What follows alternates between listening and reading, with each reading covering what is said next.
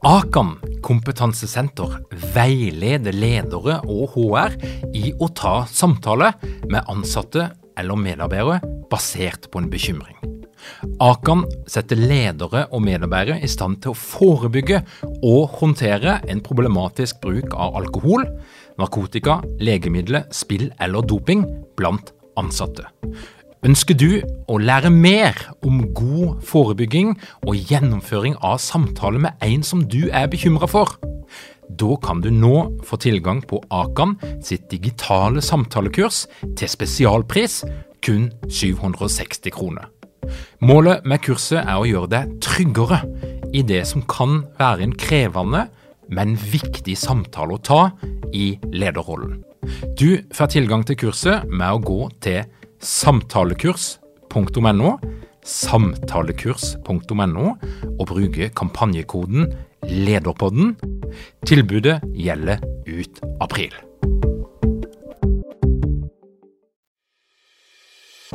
Før episoden begynner, vil jeg gi deg ei lita oppdatering. Vi teller nå ned dagene mot 2. mars. Da er vi klare til å sette i gang Lederprogrammet 2021. Lederprogrammet er et digitalt lederutviklingsprogram der du får møtt ni av landets fremste eksperter på psykologi og ledelse. Vi snakker om interaktive workshops der du kommer tett på ekspertene. Vi snakker om å være en del av ei læringsgruppe der du møter andre ledere, der en deler erfaringer med hverandre, der en inspirerer hverandre, og der en utfordrer hverandre. Hvis du har lyst til å bruke de neste tolv ukene på å utvikle deg sjøl, få ny kunnskap og sette deg sjøl i stand til å møte de endringene som måtte komme, så anbefaler jeg deg å sjekke ut lederprogrammet.no. Lederprogrammet.no.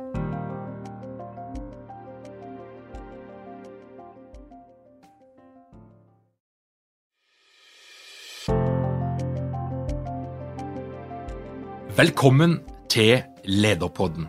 Mitt navn er Tor Åge Eikrapen. Jeg jobber som organisasjonspsykolog og foredragsholder, og dette her er en podkast om ledelse.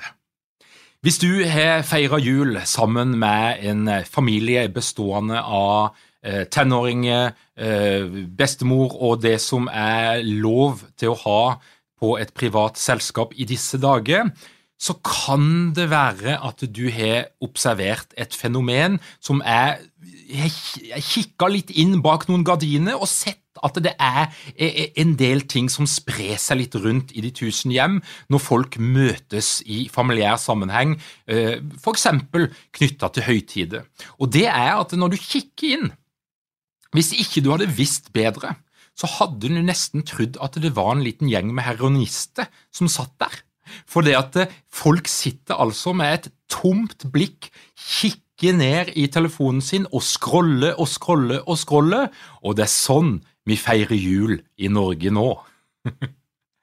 og de fleste av dere har sikkert kjent på det òg, at eh, denne telefonen det er en glede og en velsignelse med alle mulighetene den byr på, all den datakraften som, som er der, men av og til så blir det litt for mye, og det blir en følelse av at det er telefonen som styrer oss, og som eier oss.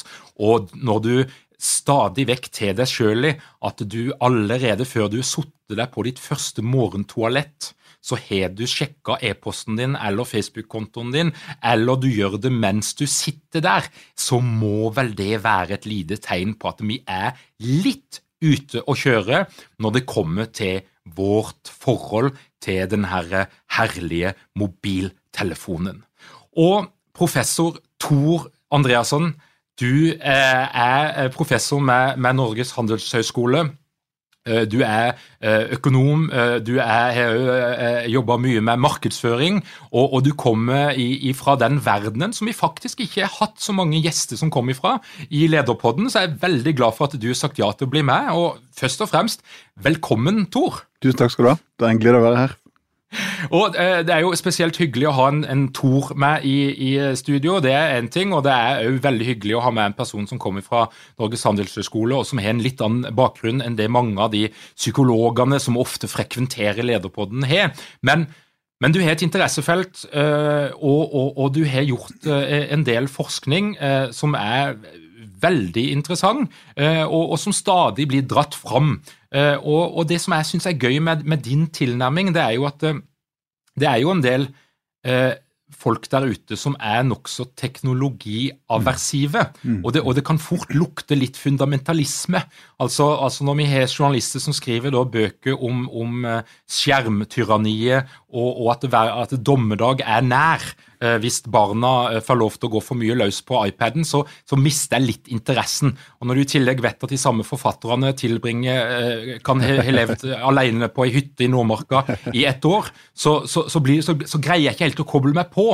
Altså Det blir litt for far out. Det, det, det blir litt for ja, økologisk, eh, eh, for å si det sånn. sånn at, eh, og det som jeg liker med din, din tilnærming da, til dette her temaet, det er jo at du er kanskje mer realistisk, og du ser òg den positive sida av teknologien, mm. og, og, og, greier å male kanskje et litt mer nyansert bilde, som iallfall for min del blir, blir litt lettere å, å, å, henge seg på. Mm. Men, men, men, men Tor, for, fortell litt sånn først om, om din eh, bakgrunn for å bli interessert i vår relasjon til den herlige telefonen. Akkurat. En vidunderlig introduksjon. Du, hva skal jeg si det her eh, La meg begynne med å si at smarttelefonen er jeg like begeistret for som alle andre. Jeg tror jeg er like hekta som alle andre. Jeg er eh, ja, nesten mer, mer, der enn her. Altså da, der. Så, så, vi har jo måte da, må innrømme at dette er jo et instrument som er jo helt fantastisk. Altså. Jeg nesten si det er på høyde med ja, da vi fikk strøm, eller da vi fikk innlagt vei, vann og kloakk. Altså, det er like viktig, det er like omfattende, det er like preget livene våre. Så det er sikkert Min tilnærming har jo vært eh, like mye som observatøren. Så da er jeg jo sånn eh, liksom deg, da, liksom undrende over folks atferd. Ofte ute når jeg er ute og reiser, så sitter jeg ofte litt for, litt for lenge på flyplassen og titter på andre mennesker i fri dressur, eller når jeg er rundt på Jeg har vært så heldig å få invitasjoner til forskjellige andre eh, universiteter og, og høyskoler så sitter jeg ofte da i studentkantinen eller ute og titter på disse unge, da, som er neste generasjon, hvordan de oppfører seg, hva de gjør på det. Og da det slo det meg ja, mange år tilbake Hvorfor henger alle i enden av en mobiltelefon? Altså, hva, er med, hva, er det med, denne greia her liksom, da, som gjør det? Jeg, det var liksom ikke bare i Norge eller, altså, eller i Oslo eller i Bergen eller Eh, eller i Trondheim, eller i Stockholm, eller i, i Brisbane, eller i, i, New York. Men det var liksom et gjennomgående fenomen. Altså. Og da begynte jeg liksom å rote rundt i det greiene her. Her er det noe som ikke bare er sånn stedsbestemt, eller men det er et sånn universelt fenomen. At vi som mennesker, iallfall unge, liksom har fått seg sånn lim på fingrene, hvor det henger da en, en, en sort dings i der borte. da. Så det var jeg som er nysgjerrigheten min. Men hva, hvordan kan vi forstå dette som foregår nå? liksom, og, og jeg som markedsfører og økonom og, og, og holder på med innovasjon, var jo hva betyr dette? Altså Hvis dette er et fenomen som begynner å prege i vår hverdag, sånn, vi forholder oss til det som sådan, vi begynner å, å, bruke det aktivt inne og kanskje for mye, men hvordan skal vi forstå det? Og det var da jeg sammen med noen andre kollegaer begynte å titte på hva er trender som på en måte preger oss som mennesker? Altså Ikke bare sånn jojo-fenomen, jojo-bølger altså, som er det som er i tre uker, men hva er det som er grunnleggende fenomener som vil prege oss som mennesker? Som vil over tid, akkurat som en tsunami som bygger seg opp over tid, og vil få større og større effekt på livene våre. Da, og eh, er det noe med det som kan knyttes til denne mobiltelefonen og smarttelefonteknologien og internett som liksom er der? Og da begynte vi da en sånn søking på trender som vi da kunne isolere, som var begynnende. Du kan tenke på det som en, ja, en pikkolofløyte i et stort orkester, eh, før de blir overdauet av, av uh, paukene. liksom. Da. da kan vi finne disse små pikkolofløytene, som er en indikasjon på at noe er i ferd med å skje. Og det var da i det arbeidet vi da egentlig begynte å tilnærme oss mer sånn rasjonelt altså da på disse tingene. og Det var en trendstudie som avdekket åtte, åtte trender. Jeg skal ikke nevne alle åtte, men, så, men den ene var dette med alltid logget på. Altså Det var sånn fenomen som vi så i, i kulturer, også da i aldersgrupper. I religioner. Det synes å være sånn fenomen. Altså da, og da begynte vi da sånn å pirke mer i det. altså Hvordan kan vi forstå dette her liksom da i en, i, i en kontekst? altså da, og da var det én ting vi begynte å se på, det er én retning. da, Det var dette med da, tidsbruken vår, og ut ifra eh, vi lanserte et ganske fancy uttrykk som vi kalte for avkastning på investerte tid. Altså, nå sitter du og jeg her og prater på, og noen lytter på oss. Hva er utbyttet av den tiden? Jeg Du kan tenke på den måten. Når jeg går på brannkamper, så forventer jeg at de vinner, men ikke alltid de gjør det, og da føler jeg at jeg kaster bort tiden min. Og da fikk vi dette her med vi, hvordan mennesker velger å bruke tiden sin. Og inni denne her da velger å bruke tiden sin, altså bortsett fra å sove, så så vi at mye av tiden gikk til mobilbruk, ikke sant, altså da å være online. Og, og så vidt vi pirker videre da, hva er gleden og hva er sorgene med det greiene der? Og da er det åpenbart, og det er det ennå, altså det er enorm glede ved å være på disse tingene her. Altså det er jo, det er jo navlestrengen vår til livet, ikke sant. Altså da, og, så, liksom, det er helt fjollete å si at vi må klippe den av. Men, men det er en voksende skyggeside som vi som innbyggere, som politikere, som mennesker, som leder, som ansatte bør tenke på. altså da, vi, vi ser nå for første gang at internettavhengighet er blitt en diagnose i amerikansk psykologi. Altså på høyde med en form for alkoholisme. Altså Jeg sier ikke det er sånn heroin, altså det er injiserte stoffer, men det er Dette kan jo du kanskje bedre meg, men altså det er noe med belønning til hjernen, som da utløser en dopamin og serotonin, som da hjernen opplever at 'å faen, det var jo kult', ikke? altså dette vil jeg ha mer av. Og så kobler man det til denne atferden som da er mobiltelefonen, og da har du en sånn forsterkende loop, ikke sant. Altså da at eh, repetisjon gjør hardkoding, gjør at du da liksom da ja, får det virkelig inn i, i DNA-ene dine. da også. Og når samtidig hjernen syns at det er kult, ikke sant, altså det er sånn liten sniffer med hvit stripe, så, så er det sånn, blir det selvforsterkende. Og da får du denne her da, som er over i skyggesiden, nemlig at, vi får da, at det preger dine og overstyrer dine egentlige lyster, altså da til å være ute sosialt sammen med andre mennesker. Du blir overstyrt og tvunget, tvunget i anførselstegn til å være da liksom på mobiltelefonen. Og Da er vi over i det som er skyggesiden, men det er, det er en bitte liten del. Men det er en voksende del. ikke sant? Så Vi ser da både da i helsemessige ting, i atferdsmessige ting, ikke sant? som, som jeg syns politikerne bør tenke på det, og at vi som foreldre i alle fall må tenke på det. ikke sant? Altså da, da. Og kanskje her er det litt av en sånn anekdote som jeg fant. Det var at eh, Bill Gates, eh, og, som hadde da denne Microsoft-biten, og Steve Jobs, som ga oss disse vidunderlige produktene, de nektet jo sine barn å bruke disse tingene. Altså, altså De la forbud. Altså, og det tok sikkert en, en, grusom krig og slagsmål omkring i det heimen, men de, jeg tror de var på sporet av noe som de ville skjerme sine barn for, altså til å bruke det minst mulig, iallfall. Mm. Så det var ingen problem. Så det hele dette observasjonen, og så var det dette her da over i, eh, i uh, trender som preger folk, og nå ser vi det, ikke sant. Altså da, og uh, så tok oss over da i andre problemstillinger, som sånn med, med, privatlivets fred, altså privacy issues rundt da hele nettbiten og sosiale medier. og og nå i de siste årene så har jeg da rota rundt i denne problematikken knyttet til innovasjonsproblematikk, altså da dette med kreativitetsaspektet, og det store spørsmålet hvor kommer gode ideer fra når du ikke har tid til å tenke fordi du er på mobiltelefonen din. Ah, det er veldig veldig interessante greier. Og Hvis vi, hvis vi trekker oss litt tilbake, da altså Smarttelefonen eh, kom vel rundt 2007. Da mm. var det iPhone ble, ble lansert. Med, med, første gang vi da har en stor skjerm, mm. vi har apper. Mm. Eh, jeg husker jo godt min, min, eh, min fars NMT 450 Eriksson mobiltelefon. Mm. Der det var et display der det bare alltid sto Eriksson, men det var det var et display, og det var spennende, og tastene lyste. Men i 2020 så kom, så kom eh, smarttelefonen. Og det, det som jeg um, lurer litt på, det er Og kalkulert er den avhengigheten som vi opplever. Altså, er det, er det, er det tilfeldig? Er det, er, det, er det, noe som det sitter noen sånn psykologøkonome, eh, eh, smarte folk og, og pønsker ut? Hvordan skal vi klare å utløse mest mulig dopamin? Hvordan skal vi klare å skape mest mulig avhengighet? Eller, eller er det litt mer tilfeldig? For her er det jo fullt mulig å gå inn i, i konspirasjonenes verden eh, hvis en, hvis en ønsker det, men, men og, og kalkulert, tror du det? Ja. Jeg tror det begynte som en sånn naiv uh, do good-ting. altså Hvis du tenker tilbake igjen til 2007, eh, var det vel, altså da Mark Zuckerberg var uh, ditcha av en jente på Harvard, og han skulle hevne seg og, og lage en sånn 'Hvem er den peneste jenta på campus'-applikasjon, som han kalte det for Facebook senere. Altså, det begynte som en, sånn, en helt annen bare sånn moroting blant unge gutter og jenter altså da, på den tiden der, og så har det senere utviklet seg til å bli noe annet. Og Det samme var det også da med, eh, med uh, de andre apper, sånn som da Snapchat. og altså, De begynte med sånne moroting. Men så har jo da altså, kommersen kommet inn ikke sant? Altså da, i disse tingene. Så at Google også var jo, hadde jo faktisk en visjon 'do good, don't be evil'. altså Det var det som var logikken deres. Altså, og um, så at Utgangspunktet var nok at de ønsket å være liksom sånn Jesus har kommet på jorden i form av denne appen. ikke sant? Altså da, do good. Men så har denne kommersen, altså da, og kanskje det er for mange økonomer og markedsførere kommet inn i organisasjonen, eller de har begynt å bli børsnoterte og må da tjene penger, og denne avguden som heter da børsen. altså og det har da gjort at de må da begynne å jobbe på andre måter for da å tenke beholde kunder, tilegne seg kunder. Og hele forretningsmodellen er jo basert på reklameinntekter, og at de da er på denne appen fremfor da andre apper.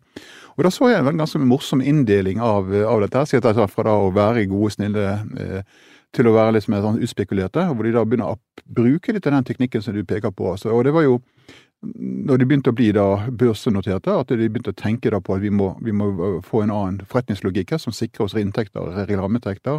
Spesielt altså da Amazon, Næromflads eh, Facebook har jo 98% av inntektene sine fra reklame. Gjennom da ekstremt avanserte algoritmer som bruker alt hva vi kjenner av matematikk, statistikk, psykologi, for å få de til å gjøre visse ting. Sammen med Google. Og da var det en ganske morsom todeling som jeg syntes var, var, kul. altså det Som igjen speiler litt på mot hvor du vil. altså da som, De kalte det for noen aktører er dealers, altså da litt sånn til narkotikalogikken. Og andre er healers, som da er litt med inn mot å mote race og gjøre godt for menneskeheten. Og da kan du si at uh, når jeg eh, lurer på er, uh, hva er lederpodden, så kan jeg gå inn på Google og finne ut hva det er for noe. Altså da, og, og, da er det på en måte en, en, healer. altså Jeg går inn, får svar og går ut igjen. Mens Facebook er en dealer. altså Logikken deres er at når du går inn her, så skal du bli værende her. Når du går inn på Snapchat, skal du bli værende her. Når du går inn på WhatsApp, skal du bli værende der. Når du går inn på Instagram, skal du bli værende der. Og, for da er du ikke det andre steder.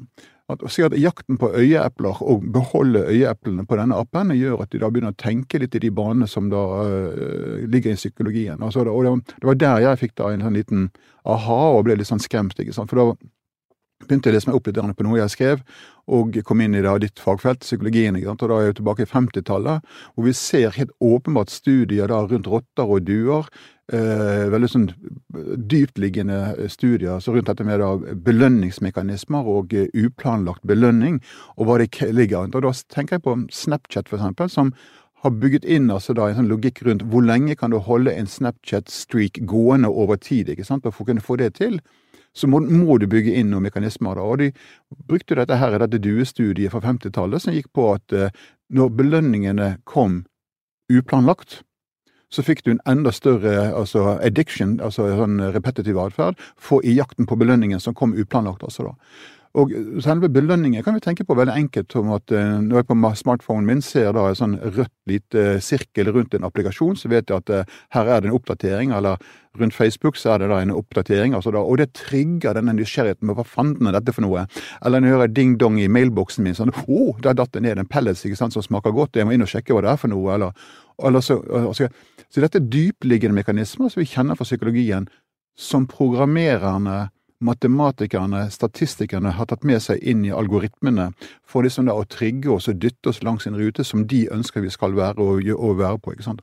Og da er det over med dette her eh, etikkspørsmålet. Altså, er dette riktig å gjøre? ikke sant? Og Spesielt da når vi vet eh, det kan lede deg til en form for negativ atferd. Altså Du låser deg inne, blir sosialt utilgjengelig, blir ikke tilnærmet. Altså, og jeg er spesielt, kanskje, ikke, jeg har ikke belegg for å si det, men jeg er spesielt bekymret for gutter som er mindre verbale enn hva, hva, hva mange kvinner eller jenter er. ikke sant? Så Gutter tenderer til å låse seg inn i en verden og bli værende der, mens jenter da klarer å kommunisere skriftlig og muntlig rundt det fenomenet. Altså, det var så et, bare så en liten digresjon. Jeg så en engelsk pizzakjede så han har plukket opp den digresjonen der. altså Da hadde jeg trent pizzabetjeningen til å småsnakke med gutter som kom på besøk for å spise pizza, for å liksom trigge de til en sosial interaksjon. ikke sant?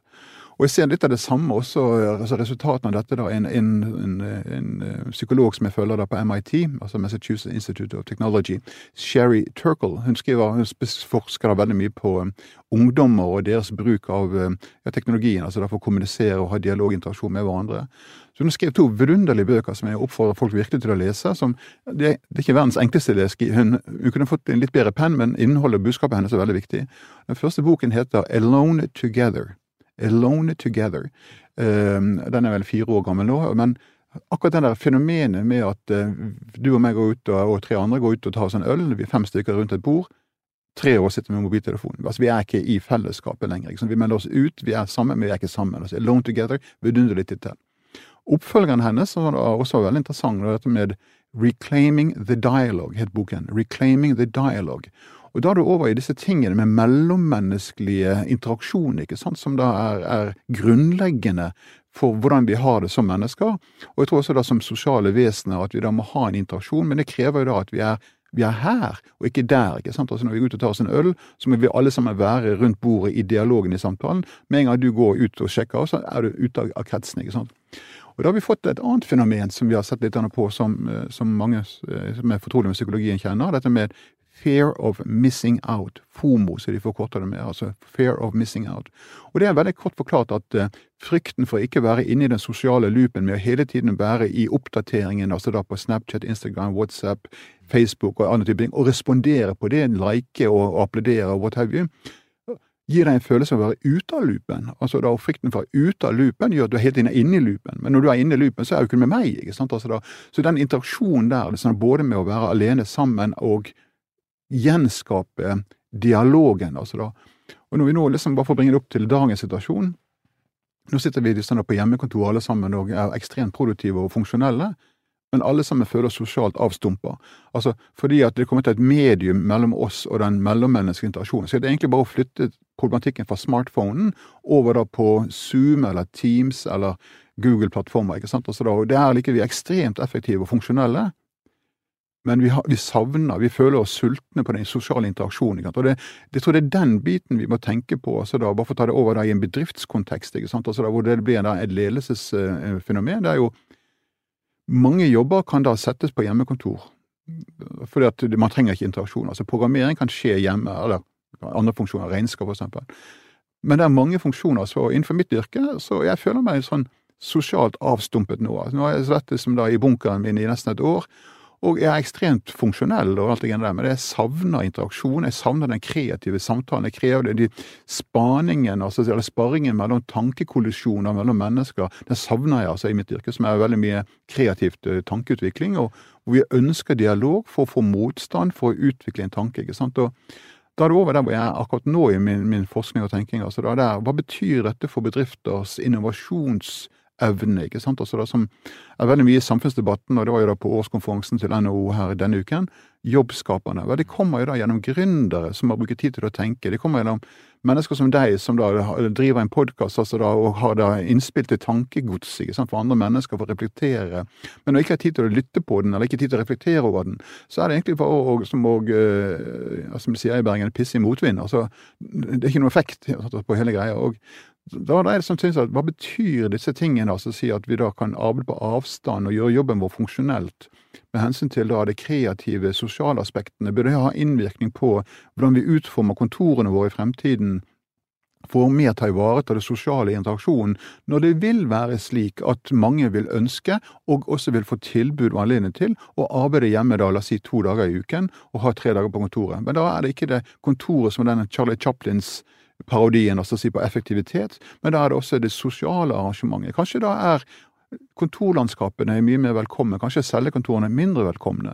Kanskje er det eh, innkontorinnredning rundt kaffemaskinen blitt litt annerledes for nesten å stimulere samtale, fremfor da å bare inhalere kaffe og løpe igjen. ikke sant? Altså da, så det er mange ting her som vil spille seg opp. Hele ideen om å være hjemme, det som da blir et valg. ikke sant? Jeg så noe at eh, mennesker som da eh, fikk valget om i en fremtidig arbeidsgiver, som ikke tilbød deg muligheten for å arbeide hjemme, ville du vurdere det? De aller fleste sa nei takk. Altså De ønsker å være hjemme, men på en måte hvor de kan velge, ikke sant? for det har noe med privatlivet å gjøre. Men arbeidsgiver bør jo tenke på hvordan kan jeg, gitt det, maksimere dialogen, altså da få kreativitet og tankeutvikling. Altså da du jeg kan ikke tenke meg en virksomhet som ikke må ha tankeutvikling altså blant de ansatte. altså Bare i innovasjonsarbeidet så er jo det forutsatt sant, at jeg har tid til å tenke alene, møte mennesker som deg og utvikle tankene videre, få den pushback, og kanskje fødes det en ny tanke basert på din og min tanke. og Hele den prosessen tror jeg er det noble, edle, vidunderlige som en leder virkelig må tenke nøye på fremover nå. Hvordan kan vi sikre oss i denne verden hvor da én mobiltelefon tar mye tid, Sosiale medier tar mye tid, familie tar mye tid. Hvordan kan jeg skape en space for å tenke? Og, Det har liksom vært min lille reise nå i det siste. altså Hvordan kan jeg organisere livet mitt uh, slik at jeg får tid til å tenke? Og da mener jeg ikke bare tenke på hva jeg skal til middag, men sånn dyp tenking. altså da, og, Og jeg pendler i Oslo-Bergen, ikke hver dag, altså, men hver uke. Og da, da har jeg altså si 45 minutter på flyet. Og det forundrer meg når jeg sitter, ser rundt og vrir på nakken. Der sitter voksne mannfolk og spiller sugar candy eller legger kabal på mobiltelefonen. og Istedenfor å sitte der med hendene i fanget og tenke eller lese en artikkel. ikke sant, og si at Det er noe med tidsdisponeringen som vi, vi må tenke på, også både som mennesker for å holde meg à jour i jobben min, men også da som arbeidsgiver å minne på og tilrettelegge for ikke sant, også da det kreative. Og det, det kommer ikke unna det at vi er en er sosiale mennesker, to og de virkelig gode ideene, kreativiteten, kommer i en samtale, dialog, interaksjon med andre mennesker. du dere mange ledere uten trening eller utdannelse innen ledelse? Mangler dere en felles kultur og praksis for ledelse? Ønsker dere å være bedre rustet for fremtidig vekst og endring? Da kan et internt lederutviklingsprogram være en god investering. I Execu så er vi eksperter på å designe og gjennomføre bedriftsinterne lederutviklingsprogram. Hvis du ønsker å lære mer om hvordan vi kan hjelpe dykken til å få enda bedre ledere, ta og klikk deg inn på execu.no.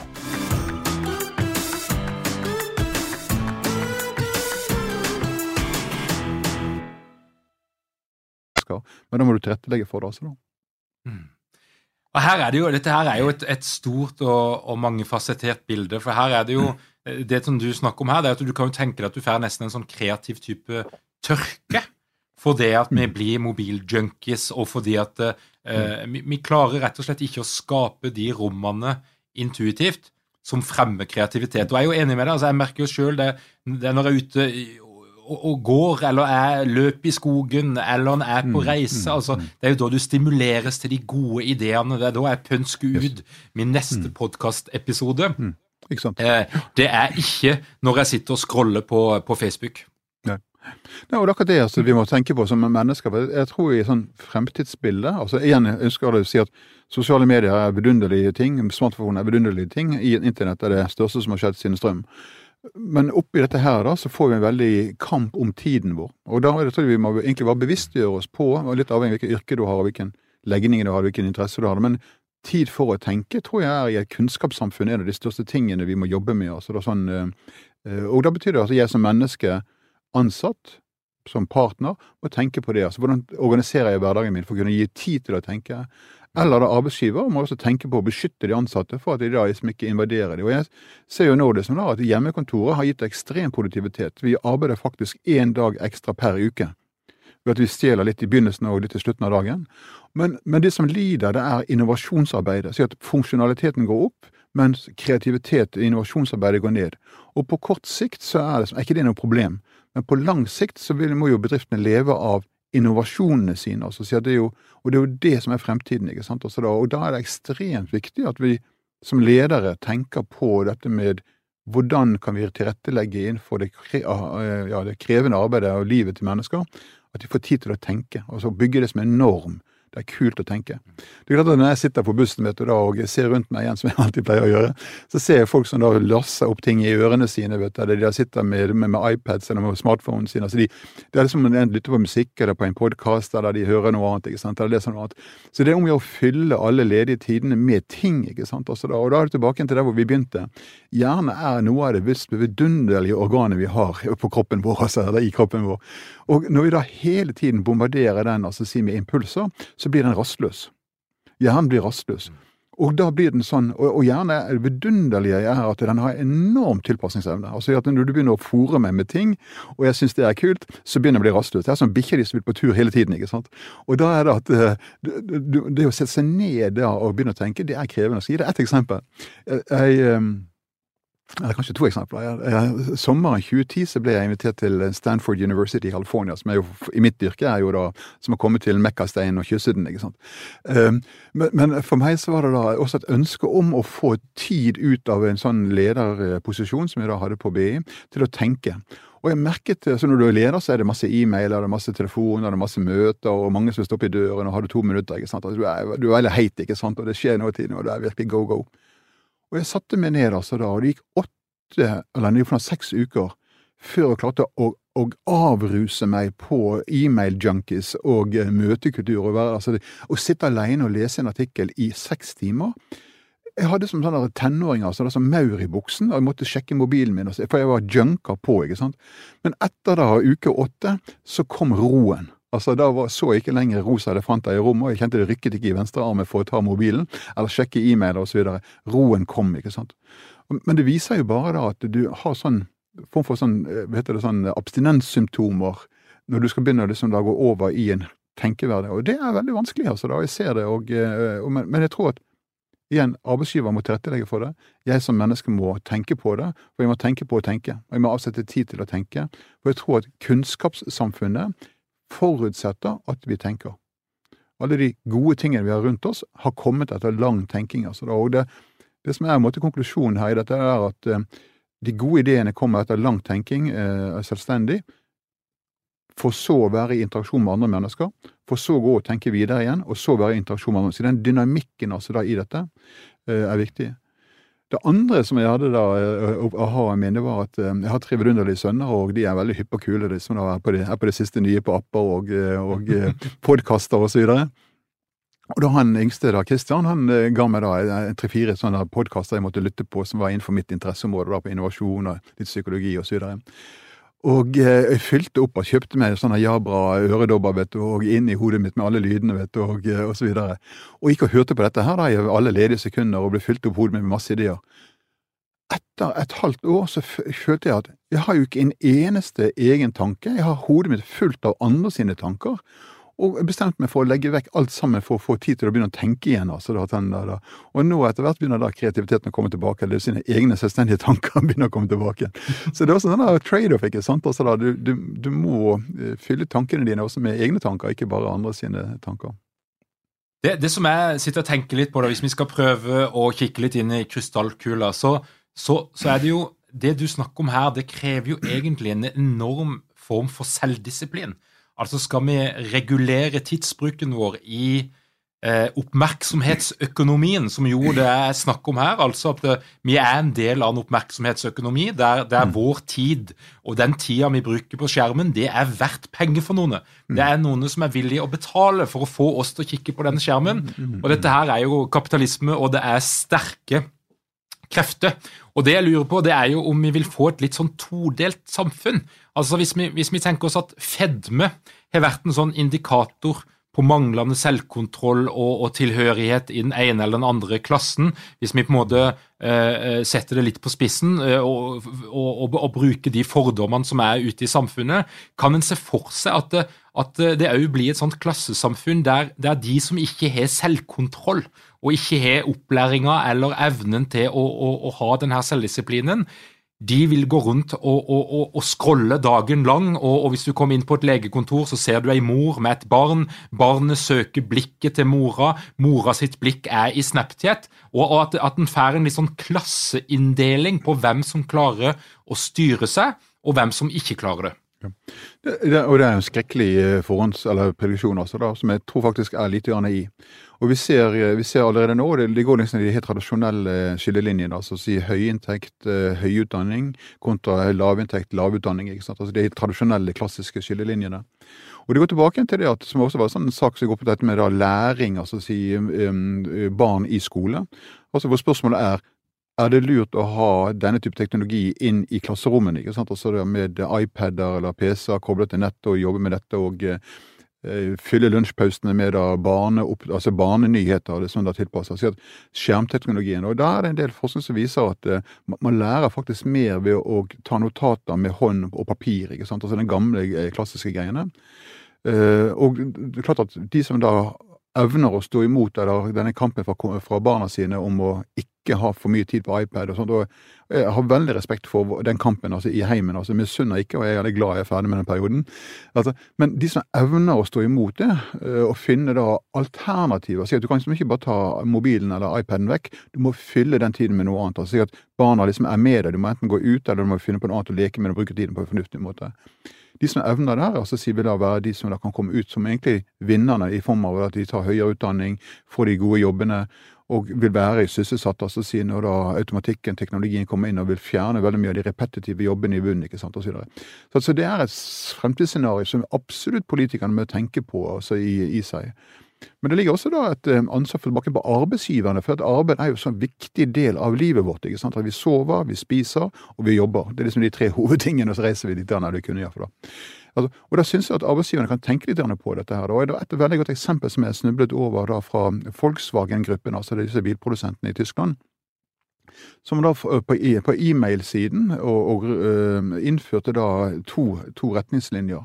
Og Det ene var at for visse definerte grupper av ansatte så var det forbud mot å sende e-mailer før et gitt tidspunkt på dagen, og etter et gitt tidspunkt på dagen. Altså da igjen for å skjerme av familietiden og arbeidstiden. ikke sant? Og det andre var eh, tiltaket som jeg tror også vi setter her i Norge, der at når du er på ferie, for å avlaste deg med denne der 'jeg bør sjekke mailen, for ellers er den smekkfull når jeg kommer tilbake igjen', så blir bare alle mailene dine rutet til en server hvor de blir liggende eller de blir deleted, ikke sant? med da en automatisk melding 'jeg er på ferie', og den mailen er sendt til XY eller Z for svar, eller vi vil da ta, ta opp. Så du fjerner litt av presset, forventningen om å være tilgjengelig. sant? Altså, og jeg synes jo, jeg husker tilbake igjen så da jeg var leder på BE, og jeg var veldig kynisk jeg minner med det, altså, da hvor jeg ga nøkkelansatte en smarttelefon. Den gangen var det en veldig goodie. ikke sant? Altså, det var veldig sånn, jeg ga dem en smarttelefon nettopp for å være mer tilgjengelig overfor studentene. Altså, det var veldig slemt av meg, men det var liksom bevisst for å kunne gi dem, for jeg visste da ville de sjekke mailer, og hvis det kom noe fra studentene, så var det om å gjøre å serve dem, ikke sant, altså det var en god måte. Men da stjal jeg av fritiden deres, altså da. Så et annet scenario jeg kan se for meg også da, i tillegg til det som du beskrev, det er at vi vil få da en rekke rettssaker som går på arbeidstidskontrakter, som med hensyn til når vi nå kan jobbe 24-7 hjemmefra. Når, hva er det du betaler meg for? Altså, det er det ene. Altså, Når begynner jeg å jobbe, når slutter jeg å jobbe? Hva er forventningspresset etter klokken fire eller fem? ikke sant? Altså da, og det andre er det HMS-biten hjemme. Altså, Nå er jo det helt Texas. Altså, noen sitter på kjøkkenkrakker, og noen sitter på, sitter på knærne. På, sitter i sengen. Altså, det, altså HMS må komme også i heimen. Altså, hvis det er forventning om disse tingene her, om å, å, å være tilgjengelig i arbeidstiden, så får vi da rydde opp litt i denne tilgjengeligheten. altså da.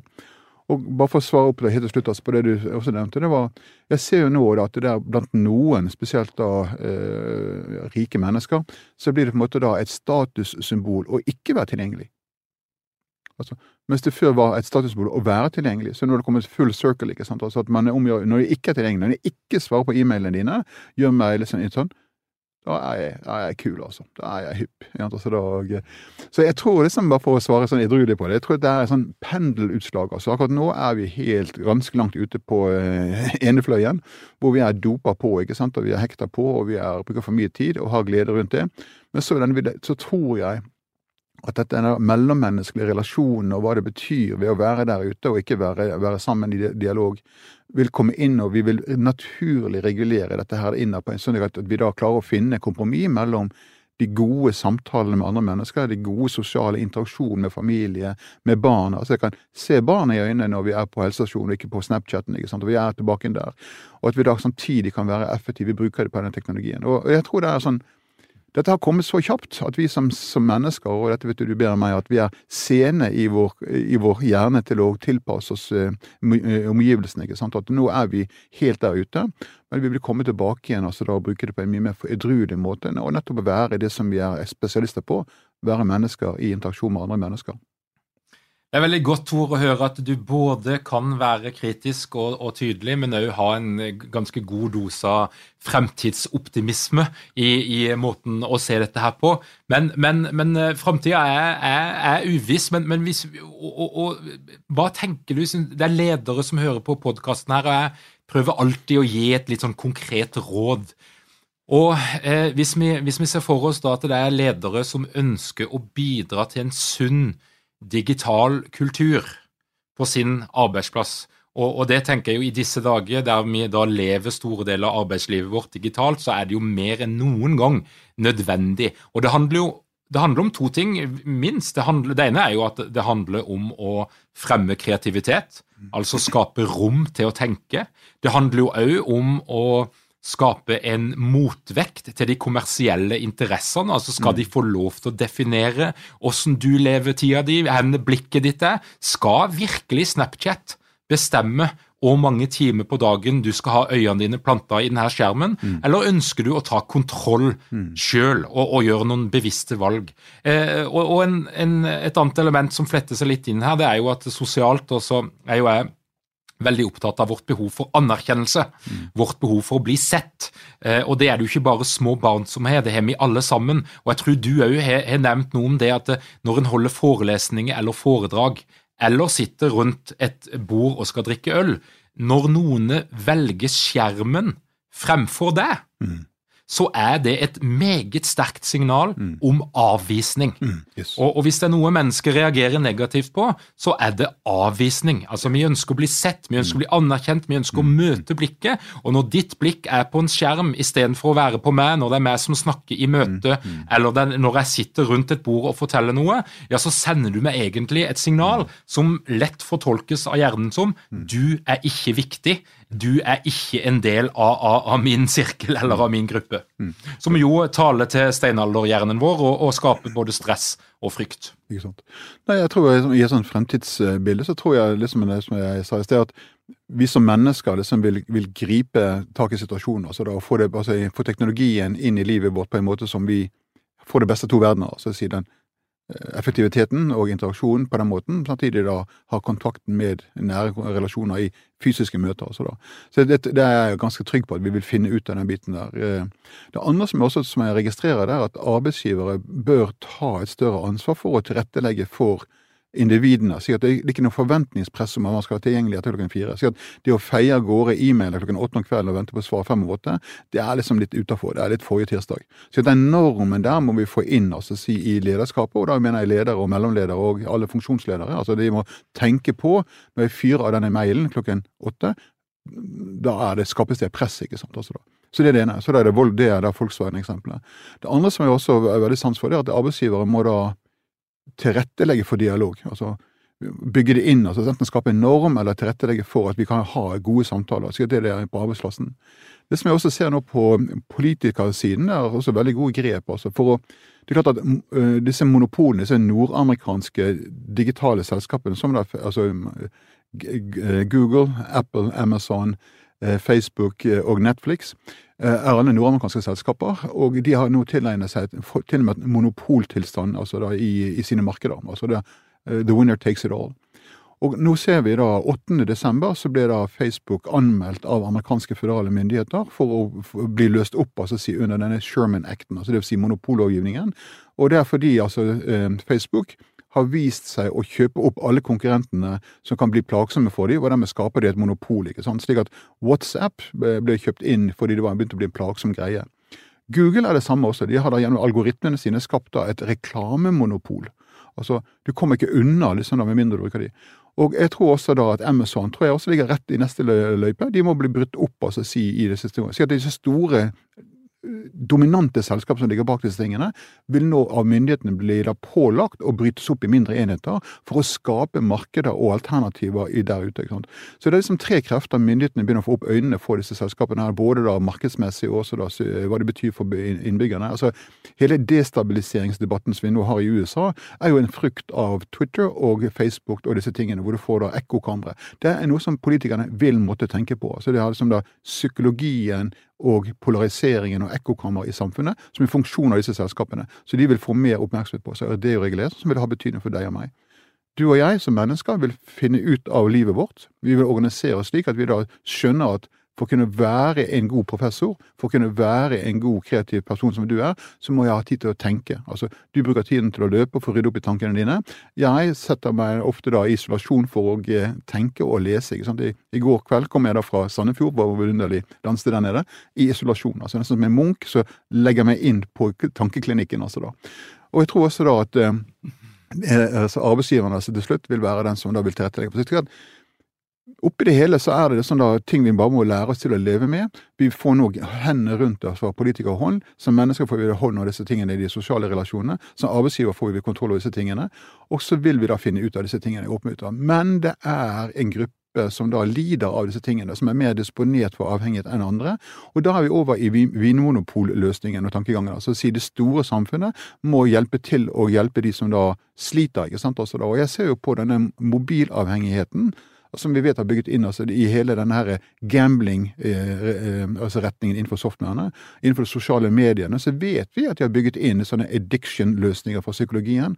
Og da vet vi at disse menneskene og disse selskapene må, må kontrolleres altså da, for å beskytte konsumentene og konsumindividene fra da, enten sosial ruin eller for økonomisk ruin. altså. Så der ligger det en greie vi må, vi må jobbe med, og, eh, og, heie på myndighetene som da får opp disse tingene, som da igjen ivaretar konkurranse, ivaretar helsen, ivaretar demokratiene. La oss få utvikle samfunnet eh, under dette vakre teppet som heter teknologi. Og vi kan da se for oss at i framtida så er det hardkoda inn at alle varslinger på apper er slått mm. av, eller at du kan ha maks én varsling. Og det er, jo, ja. det er jo en motkultur òg som etableres blant en del bloggere og de som snakker om produktivitet og fokus og den slags. Og der er det jo sånn oppskrifter på hvordan du skal stille telefonen din inn for maksimal produktivitet og konsentrasjon og rom til å tenke. Og det handler jo da først og fremst om å slå av absolutt alt av mm. varslinger. Mm. Da blir mobiltelefonen din litt eh, snillere. ja. Vet du, vi er, vi er, jo som Pavlov sine hunder. ikke sant? Altså, det er sånn betinget refleks. Altså Med en gang bjella går, så begynner å spytte og renne i munnen. ikke sant? Altså da Med samme du sier ding-ding på mobilen eller rister i lomma, så er vi nysgjerrige. ikke sant? Altså da, da husker Jeg gjennomførte et eksperiment i klassen. Eh, jeg foreleste en sånn masterklasse på NHH. Eh, og jeg sa til de da med bakgrunn i forskning at eh, dere kan få lov å dele dere i to. I klassen i to, vi var sikkert 80 studenter. Jeg sier at Halvparten av de av dere som da vil, vil, eh, ha full tilgang til alle duppedata i løpet av forelesningene, der setter dere til venstre. Og de som ønsker å gå cold turkey, setter dere til høyre. Og de så på meg hva har han røyka nå? Og, og, grunnen til det er at så der forskning tyder på at de som da eh, går cold turkey og bruker da kulepenn og, og blyant, eh, vil lære mer og få da en høyere karakter, bedre karakter, enn de som går da full digital digitalt. altså da. Og da plutselig så jeg at det var noe med å vandre over på andre siden. ikke sant? så at belønningen for å få gode karakterer kan være en måte å gjøre det på. Men eh, jeg fikk ikke gjennomslag da på, eh, av eksamenskontoret, uh, det eksperimentet. Men, men, det ligger noe der. altså. Så at, Oppi det hele så er det altså Vi må ikke glemme at dette er en fantastisk måte for mennesker å holde kontakt med altså da, der, eh, med hverandre. Vi vet jo også da, Da vi begynte da, denne samtalen rundt i den trendstudien min, så ser vi også da at eh, mennesker er konstant i bevegelse. altså På en helt annen måte. altså Før 12. mars så var vi da en enorm rastløs eh, gruppe eh, individer på denne planeten som reiste mye med fly ikke sant, og bil og alle veier. Så vi, vi var enormt sånn, Og det mener jeg det er ikke bare fritidsreiser, men det er også da for utdannelsesreiser, det er også da for jobbreiser. ikke sant? Altså Jeg reiser fra Polen til England for å søke lykken der, eller komme til Norge og søke lykken der. Så at mange flytter på seg av jobb, av utdanning eller av sosiale opplevelsesgrunner. Og det å kunne holde kontakt med hjemmebasen hele tiden, eh, kunne bruke den banken du har da fra Polen eller fra England, der hvor du måtte være da, i tredjelandet nå, ikke sant, altså da, eller lese avisene dine fra det. Så det er vidunderlige ting her som, gjør, som, som stimulerer oss i år. Så og alle disse tjenestene som vi lever digitalt, ikke sant, er jo lagt opp til effektivitet og berike våre liv. Så bare at vi har Google som gjør at jeg slipper å fly på biblioteket og lese en obskur referanse eller obskur artikkel fra 1933, altså, er jo helt vidunderlig. ikke sant, altså, så Vi er ekstremt effektive. Vi må ikke glemme den gode tingen der. Men så må vi ha et øye på disse her skyggesidene som da ligger der og lurer. Og vi må liksom da gjøre oppmerksom på det, bevisstgjøre oss på det. Og så må vi da regulere det på en måte som gjør at vi da ikke blir eh, offer for disse smarte matematikerne og psykologene og eh, statistikerne, som da dytter oss ned den retningen som de vil, nemlig da oppi hullet som heter Snapchat eller Facebook eller WhatsApp. og så da, og at vi da blir et offer for dealershipet deres. Mm. Tor Wallin Andreassen, dette her var veldig gøy. Det var lærerikt, og det var stimulerende, og det var et eksempel på en god samtale. Tusen hjertelig takk for at du valgte å ta turen til Lederpodden. Tusen takk for invitasjonen. der Også, jeg brukte med innrømme jeg brukte anledningen til å friske opp tankene mine, og samtidig utvikle et par nye tanker. Så takk skal du ha. Veldig gøy. Og takk til alle dykken som hører på Lederpodden. Hvis du ønsker å bli gjort oppmerksom på alt det vi holder på med, vi snakker altså om eh, livesendinger og pop-up-arrangementer av ymse slag, så kan du gå inn på lederpodden.no og melde deg på eh, vårt lille nyhetsbrev og legge igjen din e-postadresse, så vil du få enda en pling å forholde deg til i eh, e-posten din. Og så er det jo òg sånn at eh, vi arrangerer noe som heter Lederprogrammet 2021 og Det starter 2. mars, og det er et tolv ukers digitalt lederprogram som handler om utvikling. Det handler om å lære seg nye ferdigheter. Det handler om å bli inspirert. Og vi, vi kjører det digitalt, men, men, det er interaksjon. Du får møtt ni av landets fremste eksperter innen psykologi og ledelse. Du er en del av ei læringsgruppe der du treffer andre ledere. Du utveksler ideer, erfaringer, inspirerer hverandre og utfordrer hverandre. Og vi har fremdeles noen ledige plasser, og du kan sjekke alt sammen ut på lederprogrammet no. Og da er det altså både tusen takk til, til Tor Andreassen og takk til du som hører på Lederpodden, og jeg ønsker deg ei veldig god uke.